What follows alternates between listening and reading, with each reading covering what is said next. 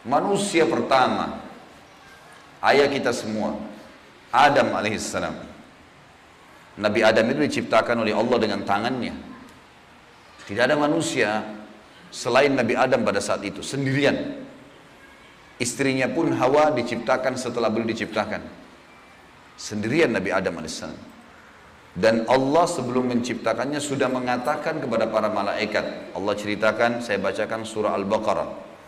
Urutan 2, surahnya ayat 30 sampai ayat 38. Kita akan baca ayat 30 dulu. Allah mengatakan, A'udzu billahi minasyaitonir rajim wa idz qala rabbuka lil malaikati inni ja'ilun fil ardi khalifah.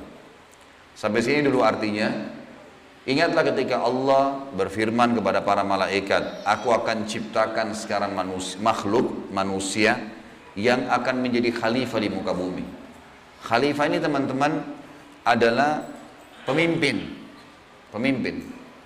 Jadi manusia ini kita kalau di dunia ini di mana pun kita datang, semua selain manusia pindah. Hewan-hewannya, jinnya, semua pergi. Kalau tahu ada manusia datang ke situ, mereka cium baunya manusia ini tahu manusia pergi. Manusia memang khalifah diciptakan untuk itu, untuk memimpin di muka bumi ini. Kalau di muka bumi ini banyak makhluknya Allah, butuh pemimpin. Waktu itu teman-teman sekalian, sudah ada golongan makhluk lain namanya jin. Sebelum manusia, sudah ada jin. Sudah turun-temurun di muka bumi ini, sebelum kita.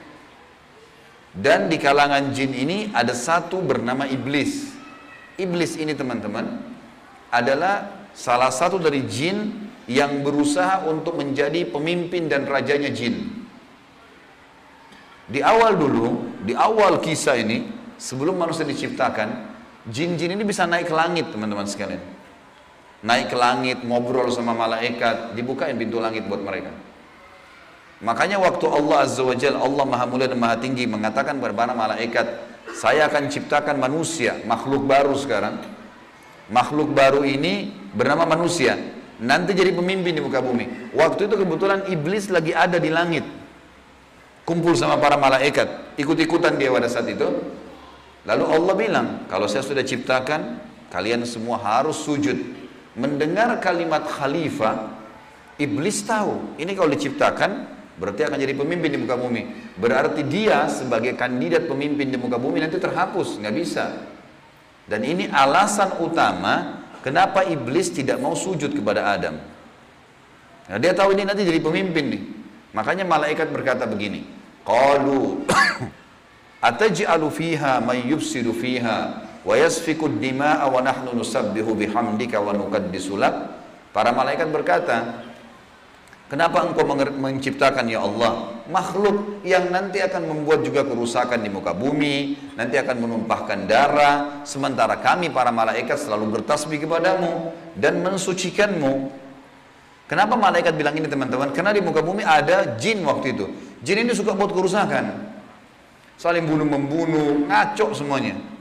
Hukum-hukum Allah turun tidak diterapkan. Maka kata Allah, "Qala inni a'lamu ma la ta'lamun." Kata Allah, saya lebih tahu daripada kalian. Kepada malaikat nih. Itu ayat 30. Ayat 31 Allah berfirman, "Wa 'allama Adam al-asma'a kullaha." Sampai sini titik dulu. Kalau teman-teman yang pegang Quran lihat baik-baik. Kata Allah dan Allah setelah ciptakan Adam, Allah ajarkan Adam nama segala sesuatunya. Di sini ulama tafsir bilang teman-teman sekalian, semua nama malaikat, semua nama benda-benda di langit, semua nama benda-benda di bumi, semua bahasa yang akan dipakai atau yang dipakai, semua bahasa hewan, bahasa serangga, bahasa hewan ternak, bahasa semuanya, bahasa jin, bahasa tumbuh-tumbuhan, bahasa manusia nanti kalau diciptakan yang sekarang kita punya ribuan jutaan bahasa di muka bumi ini manusia Indonesia aja punya 6.000 bahasa dari 13.000 ya, pulau. Belum lagi seluruh dunia bisa banyak jutaan bahasa. Semua itu Allah ajarkan kepada Adam alaihissalam. Adam tahu semua. Semua bahasanya malaikat, nama-nama mereka, benda-benda di langit, semua nama jin, semua nama hewan-hewan, semua nama tumbuh-tumbuhan, semuanya diajarkan.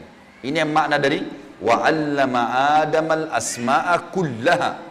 Semua nama-nama Allah ajarkan, semua bahasa Allah ajarkan. Thumma aradahum 'alal malaikati faqala anbi'uni bi asma'i haula in kuntum.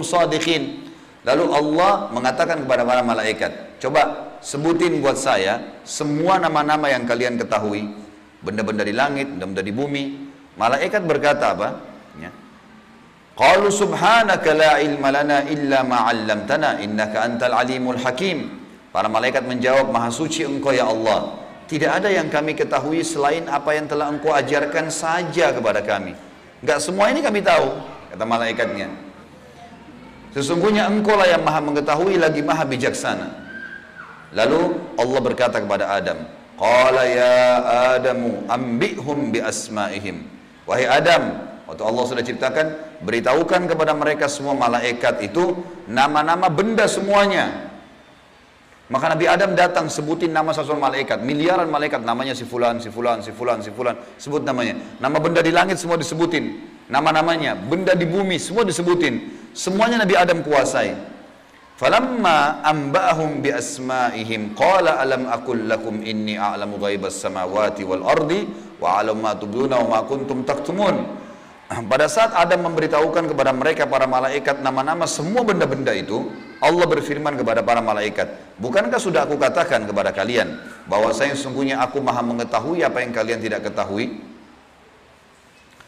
Aku mengetahui rahasia langit dan bumi dan mengetahui apa yang kalian lahirkan dan apa yang kalian sembunyikan." Maka Allah berfirman lagi, "Wa idh qulna lil malaikati isjudu li Adam fasajadu illa iblis aba wastakbara wa kana minal kafirin." Ingatlah ketika kami kata Allah berfirman kepada para malaikat, "Sujudlah kalian semua kepada Adam." Perintah sujud di sini teman-teman sekalian adalah sujud menghormati dan memuliakan Adam. Bukan sujud ya dalam arti kata sujud penghambaan diri, bukan ya. Karena Allah suruh mereka sujud semua. Semua malaikat disuruh sujud. Maka semuanya sujud kecuali iblis. Golongan jin yang ada masuk ke langit waktu itu. Ikut sama para malaikat. Nggak mau sujud. Dia menolak dan dia menyombongkan diri. Dan dia termasuk orang-orang kafir. Maka di ayat selanjutnya ayat 35 wa qulna ya adamu uskun anta wa zawjukal jannata wa kula minha ragadan haitsu syi'tuma zalimin. Dan kami berkata kepada Adam jadi setelah itu Allah SWT ciptakan dari tulang rusuknya Adam istrinya Hawa. Terciptakan ada dua-dua kata Allah kepada Adam hai Adam diam diamilah kamu dan istrimu surga ini. Dimasukkan ke dalam surga oleh Allah SWT. Dan makanlah makanan-makanannya yang banyak lagi baik di mana saja yang kamu sukai. Dan jangan kamu dekati pohon ini. Ada satu yang jangan kamu dekati karena kalau kau dekatin, kau berarti melanggar, menyebabkan kamu termasuk orang-orang zalim. Perlu digarisbawahi teman-teman sekalian, ada orang-orang yang mengatakan pohon yang didekati oleh Adam itu namanya atau buah namanya buah khuldi. Dan ini sebenarnya tidak ada dalilnya nih. Ya. Yang mengatakan buah khuld itu adalah iblis. Khuld artinya dari kata-kata khalada yakhludu yang berarti kekal. Jadi iblis yang bilang, hai Adam, sama Adam sama istrinya, ini pohon ini yang kau dilarang sama Allah makan, kalau kau makan, kau akan menjadi khuld, kau akan menjadi kekal. Makanya Allah larang kamu makan supaya karena kamu tidak kekal. Keluarlah istilah buah khuldi, sebenarnya bukan. Allah nggak pernah sebutin namanya pohon itu. Tapi iblis yang ucapkan kalimat khuld disebutkan dalam Al-Quran. Jadi teman-teman luruskan, jangan selalu bilang Nabi Adam makan buah khuldi, itu nggak benar. Kemudian kata Allah di ayat 36, فَأَزَلَّهُمَ الشَّيْطَانُ عَنْهَا فَأَخْرَجَهُمَا مِمَّا كَانَ فِي Lalu syaitan, iblis datang membisikkan kepada Adam dan Hawa bahwasanya buah ini kamu tidak dilarang oleh Allah berdua makan kecuali karena kamu akan menjadi kekal seperti para malaikat-malaikat.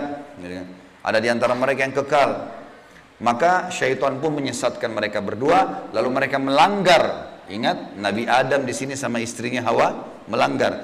Adam alaihissalam lihat malaikat diciptakan oleh Allah dengan tangannya tapi Nabi Adam juga buat salah. Secara akal sehat mestinya Nabi Adam nggak boleh buat salah kan? Manusia pertama lihat malaikat, tahu kenal Allah, pernah tinggal di surga, tapi ternyata buat salah. Ini ayah kita semuanya gitu. Maka syaitan menyesatkan mereka kata Allah SWT dan akhirnya mereka dikeluarkan dari surga itu dan kami berfirman kepada mereka pada Adam, Hawa dan juga iblis yang menggoda turunlah kalian semua ke bumi sebagian mereka musuh bagi sebagian yang lain dan bagi kalian tempat kediaman di muka bumi dan kesenangan hidup sampai waktu yang sudah ditentukan saja. Nah, setelah itu akan meninggal dunia. Ayat 37 kata Allah, "Fatalaqqa Adamu min rabbih kalimatin fataba alai innahu huwat tawwabur rahim." Hanya saja Adam menerima beberapa kalimat. Nabi Adam alaihissalam berdoa, "Ya Allah, saya buat salah nih. Udah makan buah yang kamu larang. Sudah dihukum sama Allah diturunkan di bumi. Tapi saya ingin taubat. Saya ingin meninggalkan kesalahan saya itu. Bagaimana caranya? Maka Allah mengajarkan Nabi Adam beberapa kalimat. Dari Tuhannya maksudnya kalimat taubat, istighfar dan taubat. Maka Allah menerima taubatnya. Sesungguhnya Allah maha menerima taubat hamba-hambanya. Kemudian teman-teman sekalian ayat 38 Allah berfirman, Qul nahbitu minha jami'a fa imma ya'tiyannakum minni hudan faman tabi'a hudaya fala fala khaufun alaihim wala hum yahzanun. Dan kami berfirman turunlah kalian semua wahai Adam sama istrimu Hawa sama kamu hai iblis. Turun di bumi sekarang. Kemudian jika datang petunjuk kepadaku petunjukku kepada kalian kata Allah turun wahyu dari langit nanti mengingatkan hukum-hukumku. Siapa yang mengikuti petunjuk itu kata Allah niscaya tidak ada kekhawatiran tidak ada pula bers, mereka bersedih hati. Jadi ayat 30 sampai 38 Al-Baqarah menceritakan kepada kita tentang proses penciptaan manusia pertama Adam dan adanya kesalahan Adam. Terjadi kesalahan. Dan yang menyesatkan Adam berbuat salah ada golongan namanya iblis, syaitan. Ini pelajaran semua ini. Ini awal kisah kesalahan manusia. Ternyata Nabi Adam berbuat salah, penyebabnya adalah iblis. Berarti anak keturunannya kayak kita bisa terjadi itu. Baik. Dalam surat Toha, Allah Subhanahu wa taala juga menyebutkan melengkapkan kisah yang kita jelaskan tadi. Surat Toha surat nomor 20 ayat 115 sampai ayat 123. A'udzu billahi minasyaitonir rajim wa laqad ahidna ila adama min qablu fanasiya wa lam najid lahu azma. Dan sungguhnya telah kami perintahkan kepada Adam dahulu agar dia patuh masuk di surga makan minum terserah dia tapi jangan makan buah yang satu itu. Tapi ia lupa akan perintah itu. Lalu tidak dan tidak kami dapati padanya kemauan yang kuat. Maksudnya Allah yang berfirman tentang Adam nih. Adam waktu digoda sama iblis mestinya dia tolak. Teman-teman kalau lagi digoda lewat lawan jenis setan bisikin tuh lihat tuh tuh begini tuh cantik tuh begini kita mestinya punya azam. Enggak, haram, saya nggak mau. Allah ceritakan kenapa Nabi Adam berhasil digoda oleh iblis. Kata Allah, kami tidak mendapatkan padanya tekad yang kuat untuk meninggalkan. Jangan, sudah dilarang jangan. Allah bilang haram, haram. Ini haram, jangan dicari lagi di bawahnya ada halalnya. Haram, haram. Udah selesai, tinggalkan. Itu konsep dasar agama gitu. Kata Allah di ayat selanjutnya, ayat 116 tadi 115 surah Toha. Wa idh qulna lil malaikati isjudu li Adam fasjadu illa iblisa aba. Dan ingatlah ketika kami tak berkata kepada malaikat, sujudlah kalian kepada Adam, maka mereka semua sujud. Para malaikat patuh, sujud-sujud, gitu kan? Bukan karena Adam tapi karena perintah Allah. Kecuali iblis, ia membangkang. Ayat 117. Fakulna ya Adamu inna hadha aduun laka walizaujika fala yukhrijannaka minal jannati fatashqa. Allah sudah ingatkan kepada Nabi Adam. Hai Adam, ini sekarang yang tidak mau sujud sama kamu nih, iblis ada depan matanya. Jadi kata ulama tafsir, Nabi Adam lihat iblis. Tahu iblis bagaimana mukanya, bagaimana fisiknya Nabi Adam lihat. Nabi Adam lihat malaikat, tahu malaikat itu seperti apa. Lihat langit dan bumi, melihat surga, Nabi Adam lihat semua. Allah sudah ingatkan, Wahai Adam, ini orang ini yang nggak mau sujud sama kamu ini sekarang karena perintah saya musuhmu. Jangan dan musuh buat istrimu. Jangan sampai dia mengeluarkan kalian berdua dari surga yang menyebabkan nanti kalian jadi celaka. Jadi sebenarnya sebelum Nabi Adam alaihissalam tergoda untuk makan buah oleh iblis, Allah sudah ingatkan. Teman-teman di sini sebelum berbuat dosa sudah turun wahyu. Jangan zina, jangan khamar, jangan riba. Diingatkan ada, cuma kita nggak belajar gitu. Ada turun peringatan-peringatan. Nabi Adam diingatkan, jangan. Lalu ayat 118, innalaka alla tajua fiha wala ta'ra. Kalau kau patuh hai Adam, di surga itu kau tidak akan kelaparan di dalamnya dan tidak akan telanjang. Allah akan tutup aurat kamu. Aman. Asal jangan ikuti syaitan nih. Wa annahu la tadma'u fiha wa la tadha Sesungguhnya kamu juga tidak akan merasa dahaga dan tidak pula akan ditimpa matahari dalamnya. Di surga tidak lagi matahari, terang tapi tidak panas, tidak terik. Maka Allah berfirman, "Fawaswasa ilaihi syaitan." Maka syaitan iblis membisikkan fikiran jahat kepadanya. Qala ya Adamu, wahai Adam, hal adulluka ala syajaratil khuldi wa mulkin la yubla? Mau enggak kamu saya tunjukkan pohon khuldi jadi perkataan khuldi dari iblis. Diambil dari kata-kata kekal. Allah tidak sebut pohon khuldi itu. Dan kerajaan yang tidak akan pernah binasa. Fa'akala minha fabadat lahuma sawatuhuma wa tafika yakhsifani alaihima min warakil jannah wa asa adamu rabbahu fagawa dan keduanya memakan dari pohon buah yang dilarang itu Lalu tampaklah bagi keduanya aurat mereka. Waktu Nabi Adam makan buah yang dilarang, tiba-tiba bajunya Nabi Adam dan istrinya terlepas. Karena melanggar hukum Allah, terlepas auratnya. Dan mulailah keduanya menutupinya dengan daun-daun yang ada di surga. Maka durhakalah Adam kepada Tuhannya dan telah sesatlah dia pada saat itu. Ayat 122, "Tsumma ijtabahu rabbuhu fataba alaihi wahada." Kemudian Tuhannya memilihnya, memilihnya sebagai hambanya yang bertaubat. Dan dia menerima taubatnya dan memberinya petunjuk. Qala bita minha jami'a ba'dukum li ba'din adu fa imma ya'tiyannakum minni hudan faman tabi'a hudaya fala yadhillu wa la yashqa. Allah berfirman, turunlah kalian berdua dari surga ini bersama-sama. Adam alaihissalam dengan istrinya sebagai dan juga iblis yang ada pada saat itu membisikkan, turun semuanya. Sebagian kalian menjadi musuh bagi sebagian yang lain. Akan datang kepada kalian petunjuk dariku nanti, barang sampai mengikuti petunjukku, maka dia tidak akan pernah celaka. surah Toha melengkapkan penjelasan surah Al-Baqarah. Berarti Adam diciptakan Adam alaihissalam sudah diingatkan sama Allah, Adam melanggar kena bisikan syaitan dan akhirnya hukumannya diturunkan dari surga ke muka bumi ini. Tentu masih banyak surah-surah lain teman-teman sekalian, di antaranya surah Al-A'raf.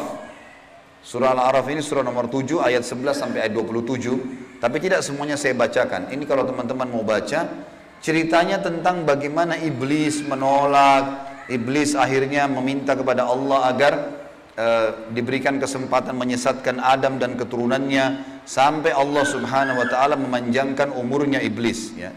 Dan ini ayat-ayat terakhir yang akan saya bacakan di dalam poin ini dalam pembukaannya surah Al-A'raf surah nomor 7 ayat 11 sampai ayat 27 ya. Tujuannya kita teman-teman sekalian supaya tahu tentang awal kisah dosa itu di mana. Dan bagaimana ayah kita melakukan perbuatan dosa tetapi dia taubat dan ini bisa terjadi bagi orang beriman, buat salah, tapi dia berhenti. Sekali berhenti tidak akan terulang. A'udzu billahi minasyaitonir rajim ayat 11 surah Al-A'raf. Walaqad khalaqnakum thumma sawwarnakum thumma qulna lil malaikati isjudu li Adam fasajadu illa iblisa lam yakun minas sajidin. Sesungguhnya kami benar-benar telah menciptakan kamu hai Adam Lalu kami bentuk tubuhmu Kemudian kami katakan kepada para malaikat Sujudlah kalian kepada Adam maka mereka pun sujud kecuali iblis. Dia tidak mau sujud. Qala ma manaka alla tasjuda id amartuk? Allah lalu berfirman kepada iblis kenapa kau nggak mau sujud untuk saya perintahkan? Qala ana khairum minhu. Saya lebih baik darinya. Iblis berkata kepada Allah saya lebih baik daripada Adam itu. Khalaqtani min narin wa khalaqtahu min tin. Engkau ciptakan aku dari api sementara dia dari tanah. Ini cuma alasan akal-akalan iblis untuk membenarkan perilaku dia karena dia jengkel kenapa Adam diciptakan makhluk baru untuk jadi pemimpin di muka bumi. Berarti dia sudah kalah. Nggak bisa lagi dia jadi kandidat pemimpin di muka bumi.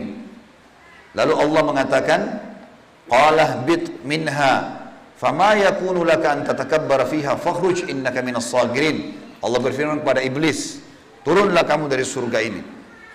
Tidak boleh kamu ada di langit sini. Karena kamu sepatutnya tidak menyombongkan diri di hadapanku. Maka keluarlah, sungguhnya kau termasuk orang-orang yang hina. Iblis waktu sebelum turun dia bilang, Qala anzirni ila yomi yub'atsun. Iblis berkata, berilah aku ketangguhan ya Allah sampai hari di mana dibangkitkan. Jangan aku mati dulu. Tujuannya adalah kata Allah, qala innaka minal munzarin. Kau boleh aku panjangkan umurmu sampai hari kiamat. Qala fa bima agwaitani la aku la aku udanna lahum siratakal mustaqim. Kata iblis sebagaimana engkau telah menghukumku aku sesat, aku akan masuk neraka ya Allah. Aku benar-benar akan menghalang-halangi si Adam nih sama keturunannya dari jalan engkau yang lurus. Thumma la'atiyannahum min baini aydihim wa min khalfihim wa an aymanihim wa an syama'ilihim wa la tajidu aktsarahum syakirin. Kemudian aku pasti akan menggoda dia dengan keturunanku dari sisi kanan mereka, dari muka mereka, dari belakang mereka, kanan mereka, kiri mereka, dan engkau akan mendapatkan mereka jarang sekali bersyukur, tidak patuh. Maka Allah bilang, "Qala khruj minha mad'uman madhura, laman tabi'aka minhum la'amla'anna jahannama minkum ajma'in." Allah berfirman kepada iblis, "Keluarlah kau dari tempat ini." Sebagai orang yang terhina lagi terusir, sesungguhnya barang siapa di antara mereka anak cucu Adam mengikuti kamu, benar-benar aku akan mengisi neraka jahanam dengan kamu semuanya. Wa ya Adamu uskun anta wa zawjukal jannata faqula min haitsu syi'tuma wa la taqraba hadhihi syajarata fatakuna minadh dhalimin. Dan Allah berfirman, "Hai Adam, tinggalilah kamu surga ini dengan istrimu serta makanlah olehmu buah-buahan yang ada di dalamnya sesuka kamu dan jangan kamu berdua mendekati pohon yang satu ini karena akan menjadikan kalian berdua orang-orang zalim melanggar hukum Allah. Fawaswasa lahum syaitan waktu ad, waktu syaitan iblis belum turun sebelum turun ke bumi sempat mampir ke Adam sebentar. Lalu membisikkan pikiran jahat kepada Adam. Liyubdiya lahuma ma wuriya anhuma min sawatihima agar Adam menampakkan kepada keduanya apa yang tertutup dari mereka. Jadi Nanti kalau makan buah itu pasti hukumannya bajunya akan jatuh. Wa qala ma nahakuma rabbukuma an hadhihi syajarati illa an takuna malakaini aw takuna minal khalidin. Dan dia bisikkan kepada Adam dan istrinya, sesungguhnya Tuhan kalian tidak melarang kalian mendekati pohon ini melainkan agar kalian nanti kalau makan buah ini akan menjadi malaikat, berubah jadi manusia menjadi malaikat atau uh, uh, kalian akan menjadi orang-orang yang kekal kalau makan ini jadi kekal, makanya Allah larang. Wa qasamahuma inni lakuma laminan nasihin. Lalu syaitan bersumpah atas nama Allah, demi Allah saya benar. Ikuti saya wahai Adam. Saya betul-betul memberikan nasihat yang baik buat kalian berdua.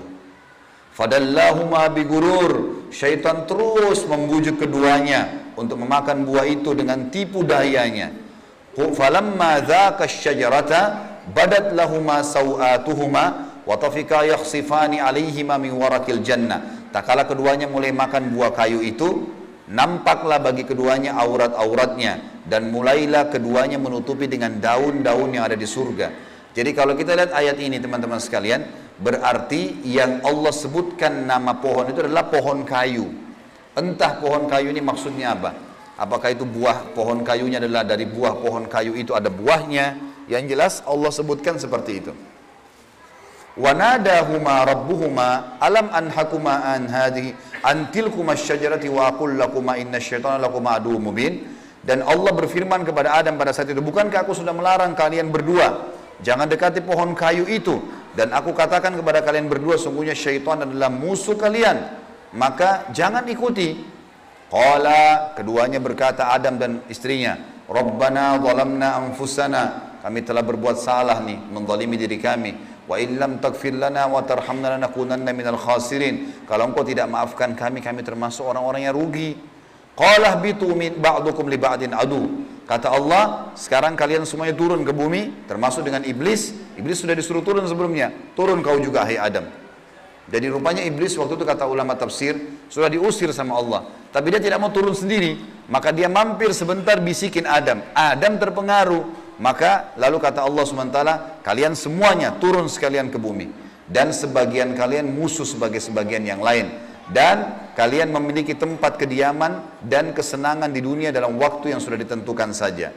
Qala fiha tahyawna Kata Allah di situlah kalian akan saya hidupkan wa fiha tamutuna. Di situlah kalian juga akan mati wa minha tukhrajun dan dari situ juga kalian akan dibangkitkan.